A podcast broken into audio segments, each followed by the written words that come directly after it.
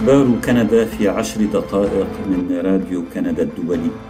معكم فادي الهاروني وأهلا بكم في حلقة البودكاست الأسبوعية وإليكم العناوين. وزير التنمية الدولية الكندي يعتبر عودة اللاجئين السوريين إلى بلادهم سابقة لأوانها.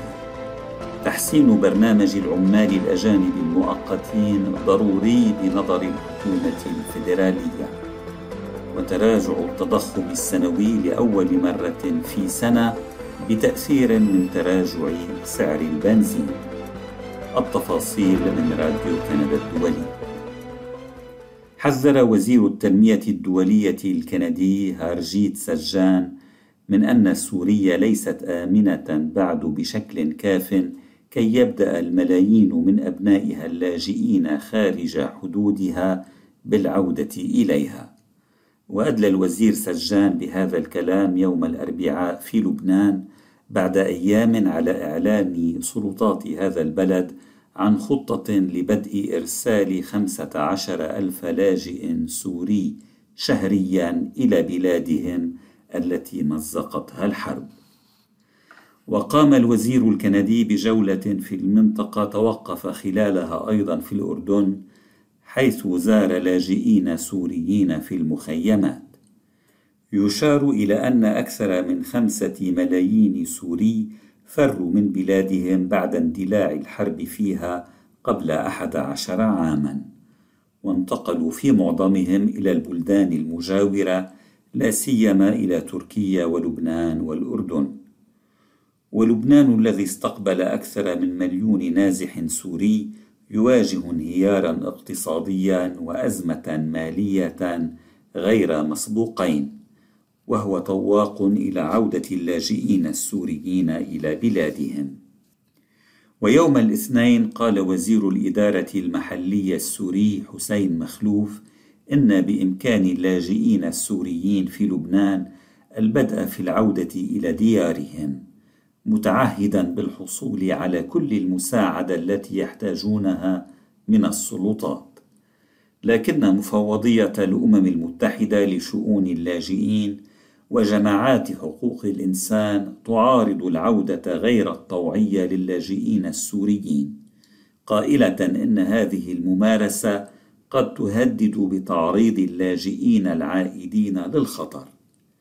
وقال جمعيات حقوقية إن بعض اللاجئين السوريين الذين عادوا إلى ديارهم قد تم اعتقالهم من قبل السلطات هناك. وكرر وزير التنمية الدوليه الكندي هذه المخاوف. من المهم جدا التأكد من وجود بيئة آمنة تماما يمكنهم العودة إليها قال الوزير سجان. ومن الواضح في الوقت الحالي وفقا لتقديراتنا أن سوريا ليست مكانا امنا لعودة الناس. أضاف سجان مؤكدا أن كندا ستواصل البحث عن سبل مع شركاء متعددي الجنسيات لتقديم الدعم المباشر المناسب للشعب اللبناني وللاجئين السوريين الضعفاء. وتضاعفت الدعوات في لبنان لعودة اللاجئين السوريين إلى بلادهم منذ بداية التدهور الاقتصادي أواخر عام 19 والذي أغرق ثلاثة أرباع اللبنانيين في الفقر. وبالنسبة للسوريين تدهورت الظروف المعيشية بشكل كبير. وقال الوزير سجان إنه خلال محادثاته مع المسؤولين اللبنانيين حثهم على التحرك بأسرع ما يمكن للتوصل إلى اتفاق مع صندوق النقد الدولي بشأن برنامج إنقاذ. وشدد على أن مطالب الصندوق من لبنان هي كلها أمور مشروعة بالنظر إلى الطريقة التي تكشفت بها الأزمة الاقتصادية. وتفاقمت الأزمة اللبنانية مع الانفجار الهائل الذي وقع في الرابع من آب أغسطس 2020 في مرفأ بيروت موقعا أكثر من 200 قتيل إضافة إلى آلاف الجرحى ومدمرا أحياء كاملة من العاصمة ومتسببا بأضرار مادية بمليارات الدولارات. وأعرب وزير التنمية الدولية الكندي عن أمله في استئناف التحقيق في الانفجار قريبا.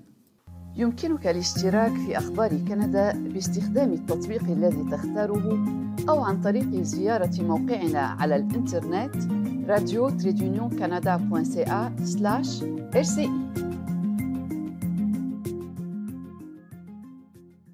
يعتقد وزير الهجرة واللاجئين والمواطنة في الحكومة الفيدرالية شون فريزر أن هناك ضرورة لإجراء تغييرات في برنامج العمال الأجانب المؤقتين من أجل تجنيب العمال سوء المعاملة. وكان الوزير فريزر يعلق على مزاعم عن سوء معاملة تعرض لها عمال أجانب في مؤسسة زراعية في جزيرة الأمير إدوارد في شرق كندا. وعلمت محطة CBC أن ما لا يقل عن 22 عاملا أجنبيا مؤقتا من مؤسسة زراعية واحدة حصلوا على تصاريح عمل مفتوحة وأطلق برنامج تصريح العمل المفتوح عام 19 للسماح للعمال الأجانب بمغادرة صاحب العمل الكفيل إذا وجدوا أنفسهم في حالة سوء معاملة للبحث عن عمل لدى شخص آخر. والآن يجب محاسبة أصحاب العمل المخالفين يرى وزير الهجرة.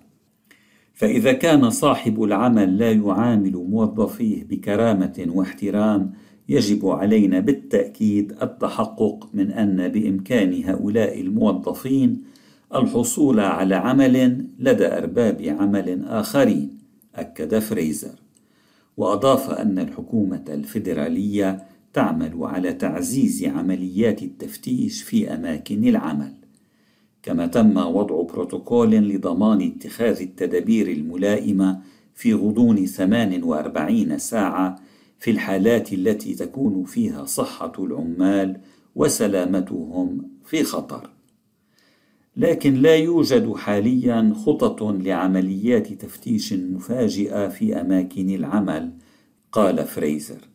وهذه مشكلة في نظر منظمات تدافع عن حقوق العمال إذ يمكن لأصحاب الأعمال الاستعداد لعمليات التفتيش هذه التي يتم الإبلاغ عنها مسبقا وأوضح الوزير فريزر أن النظام تم إعداده لإخراج العمال من الحالات الإشكالية بسرعة لكن الأمر يستغرق وقتا أطول لترتيب عمليات تفتيش وفرض أي عقوبات استنادا إلى ما يكون قد وجد في موقع العمل.